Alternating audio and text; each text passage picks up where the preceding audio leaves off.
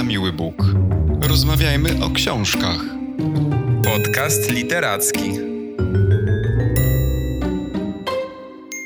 Cześć, witajcie w pierwszym odcinku drugiego sezonu. Witajcie w nowym roku. E, I dzisiaj opowiemy Wam o książce, a właściwie Kamil opowie o książce, którą czytał, i wydaje mi się po tytule, już to widzę, że to jest dobra książka na rozpoczęcie nowego roku. Myślę, że jak najbardziej. Witam wszystkich. Witam w tym nowym roku i powiem tylko jeszcze, że w tym drugim sezonie, podobnie jak w pierwszym, będziemy Wam przedstawiać książki, które według nas są warte uwagi i które polecamy Wam do przeczytania. Ja w tym roku, jako pierwszą książkę, przeczytałem powiedzmy pozycję, która jest zdecydowanie niesztampowa.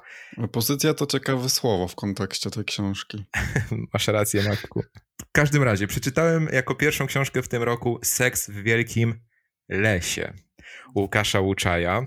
Chciałem kilka słów na początku powiedzieć o korporacji H-Art, która jest jakby wydawcą tej książki. To taka krakowska instytucja, y, która promuje nowe zjawiska w kulturze. I to jest ważne, bo to wydawnictwo, które rzeczywiście skupia się na y, młodej prozie, poezji, na przekładach literatury zagranicznej i zawsze wyłapuje te pozycje bardziej eksperymentalne w swojej treści czy formie. Y, poszukuje właśnie autorów oryginalnych y, i takich niesztampowych właśnie, spoza mainstreamu. Można przeczytać w ich charakterystyce, że zajmują się literaturą internetu, avant-popem czy liberaturą, czyli taką formą, y, takim rodzajem literatury, który łączy w sobie zarówno obraz, jak i y, tekst i to ze sobą y, ma współgrać jak najbardziej. No właśnie, bo jak sobie wrócicie do jednego z naszych poprzednich odcinków, to omawialiśmy Dropie Natalki Suszczyńskiej i ta książka też została wydana przez korporację Hart. To jakby jest świetnym mm, przykładem tego, jaki rodzaj prozy e, to wydawnictwo wydaje. Najczęściej jest to po prostu taka proza, która nie do końca się komercyjnie innym wydawcom opłaca, no tymczasem właśnie wydawnictwo, o którym dzisiaj rozmawiamy, jakby nie boi się takich odważnych tytułów i to jest bardzo fajne, bo dzięki temu zyskujemy taki fajny, ciekawy głos e, w literaturze. Dokładnie. Pojawia się taki punkt widzenia, który w mainstreamie nie jest tak obecny. E, a jest bardzo interesujący i to będę chciał też dowieść w tym odcinku, że akurat ta pozycja Seks w Wielkim Lesie jest jak najbardziej wartościową e, książką. E, jeszcze na początku kilka mm, słów o Łukaszu Łuczaju, który właśnie za pośrednictwem swojego dzieła zabiera nas do świata przyrody, ale w bardzo konkretnym kontekście, bo w kontekście erotycznym. E, a na przyrodzie mm, Łukasz Łuczaj zna się jak mało kto, ponieważ jest botanikiem, doktorem habilitowanym nauk biologicznych, jest też wykładowcą e, na Uniwersytecie Rzeszowskim i tak dalej, i tak dalej. Natomiast jedno określenie, jakie opisuje Łukasza Łuczaja w wielu opracowaniach w internecie, spodobało mi się najbardziej. Mówi się o nim jako o popularyzatorze przyrody. I ta książka jest tego dowodem. E, dąży on e, za pomocą swojej właśnie działalności, żeby dla, dla, takiego przeciętnego Kowalskiego przyroda stała się czymś więcej niż tylko e, no, na przykład niedzielnym spacerkiem po parku. W swojej codziennej działalności pomaga on na przykład w zakładaniu dzikich ogrodów przy domach, szerzy wiedzę na temat dzikich roślin jadalnych, no i wreszcie przypomina, jak bardzo erotyczne życie człowieka współgra z naturą. I właśnie Seks w Wielkim Mieście to taki erotyczny mini przewodnik dla chętnych do uprawiania miłości, czy to w lesie, czy na łące, czy na pastwisku, czy na plaży. No, co sobie wymyślisz.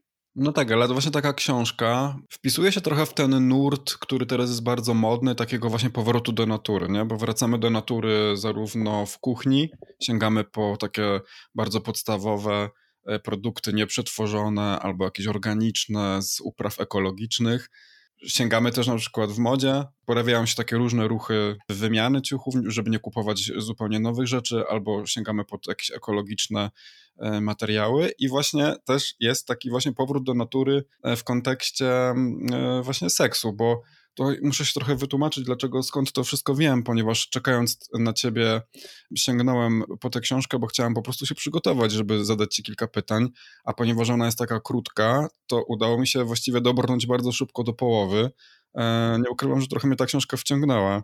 Jestem bardzo ciekawy, co powiesz, ale zastanawiam się jeszcze nad jedną rzeczą, jakiego języka powinniśmy właściwie używać, bo z jednej strony mam ochotę mówić to, jak zawsze mówimy, to znaczy, że ta książka jest o uprawianiu miłości na łonie natury, a z drugiej strony e, tak mi się spodobał ten język e, taki swobodny, którym pisze autor, że mam ochotę powiedzieć, że to książka o bzykaniu się w lesie. No, zdecydowanie. Ja też się nad tym zastanawiam, bo nie mamy jeszcze Maćku Południa, a, a wielu tutaj pikantnych takich właśnie stwierdzeń się pojawia i książka też jest w takim klimacie formalnie utrzymana, że tam jakby autor nie przebiera w słowach, to jest wszystko podane z humorem, z taką... z taką troszkę wulgarnością, ale kontrolowaną według mnie i bardzo uroczą y, ale no postaram się to jakoś wypośrodkować, żeby, żeby może dla wszystkich tych, którzy po książkę jeszcze nie sięgnęli e, i nie przekonali się o jakby jej całościowym przesłaniu, e, nie kuło to bardzo w uszy. To ja bym, ja bym powiedział, że e, to nie jest wulgarne, tylko sprośne. To jest trochę takie świntuszenie, nie? Tak, to taki łobuzerski język. Tak. Ta książka naprawdę we mnie wzbudziła taką jeszcze większą tęsknotę za łącznością z przyrodą, Tutaj trochę bawię się w ekshibicjonizm w tym momencie, bo, bo dotyczy to bardzo prywatnej sfery, ale mimo wszystko y, tak jest. I do wszystkich tych, którzy nie wyobrażają sobie seksu na łonie natury, mogę powiedzieć, żeby nie mówili hop, wzięli do ręki właśnie seks w wielkim lesie i dowiedzieli się między innymi na jakich drzewach najlepiej uprawiać miłość, które dzikie rośliny nadają się do masturbacji czy seks w wodzie jest rzeczywiście przyjemny, jakie są naturalne afrodyzjaki, y, na jakim gruncie najlepiej położyć się ze swoją drugą połówką, aby było wygodniej zmysłowo. No i tam też jest y, temat kleszczy podjęty i wszystkich innych problematycznych elementów przyrody, jakie pokrzywy. mogą przeszkadzać, tak, pokrzywy. I co muszę powiedzieć, pan Łucza jest dodatkowo bardzo przekonujący jako ten radzący, bo jak sam przyznaje, Bezogródek jest regularnym praktykiem naturalnej miłości, no i wszystko, co opisuje, przetestował na samym sobie, nie? No to jest ciekawe właśnie spostrzeżenie, bo ja zastanawiałem się, e, chyba nie dotarłem do tych wszystkich szczegółów, o których ty teraz mówisz, ale zastanawiałem się, na ile to, co przeczytałem, wynika właśnie z autopsji autora, a na ile są to jakieś opowieści jego znajomych, albo na przykład na ile jest to taki żart przyrodniczy, wiesz, bo właściwie w dużej części od, odbierałem tę książkę jednak jako książkę bardziej o przyrodzie tak naprawdę niż o seksie, bo ona tam po prostu zwraca uwagę na wiele różnego rodzaju ciekawych gatunków roślin. Rzeczywiście autor y, jest specjalistą y, w kwestii przyrody i odwołuje się do wielu roślin, ale wszystko właśnie w tym kontekście erotycznym, więc to wszystko, co on mówi, ma nam służyć do tego, żeby, żeby, ten, żeby tą miłość w naturze uprawiało się jak najpełniej i jak najbardziej komfortowo. Co podobało ci się najbardziej w tej książce? Zaraz powiem ci, co mi się najbardziej podobało, bo y, paradoksalnie nie, ten porad, nie ta poradnikowa część książki, e, ale z tej poradnikowej części książki zacytuję choćby jedną, e, choćby jeden fragment. Bóg i grab mają śliskie, po deszczu nawet oślizgłe pnie. Możesz się o nie ocierać, drapać je i przytulać. Są miłe w dotyku. A zwalony bukowy pień to skarb. Jest tak gładki, że nie grozi otarciem pochwy. Szczególnie jeśli ty lub twoja partnerka macie zwisające wargi sromowe lub gdy po prostu masz delikatną skórę. Pnie są tak gładkie, że jeśli by wpuścić na nie wpierw parę ślimaków, to kobieta doszłaby po prostu się o nie ocierając. Ale czekaj, bo muszę teraz tu się wtrącić, bo pamiętam ten e, fragment, ponieważ tam jest e, ważna informacja, czy której nie dodałeś, że drewno bukowe jest niezwykle cenne i niestety bardzo trudno jest znaleźć pień bukowy leżący sobie tak, o, po prostu w lesie. To prawda, co powiedziałeś. A odnosząc się jeszcze do, mm, do tej kwestii, która mnie najbardziej się pod, po, podobała, to tak jak wspomniałem, to nie jest ta typowo poradnikowa część książki, tylko mm, taka próba uchwycenia przez autora zupełnie zapomnianego punktu widzenia e, na obecność człowieka w naturze. I celowo mówię tutaj próba, bo bardzo chciałbym, aby ten wątek w tej książce był zdecydowanie e, bardziej podjęty i głębiej podjęty. Jest go po prostu dla mnie za mało. I ten punkt widzenia, o którym mówię, to jest y, takie ponowne umiejscowienie człowieka w naturze y, w sposób niezwykle organiczny, taki, którego sobie w tej chwili nawet nie wyobrażamy. choć nasi gdzieś tam przodkowie w ten sposób żyli, a my dzisiaj już tego nie potrafimy, bo coś może być dla nas niewygodne, y, jesteśmy otoczeni dobrami materialnymi, więc wygoda i komfort stały się dla nas nadrzędnymi wartościami i tak naprawdę nie myślimy nawet o tym, by zjeść posiłek w lesie albo uciąć sobie w nim drzemkę, a co dopiero przychodzić do, y, do tak bardzo intymnych kwestii.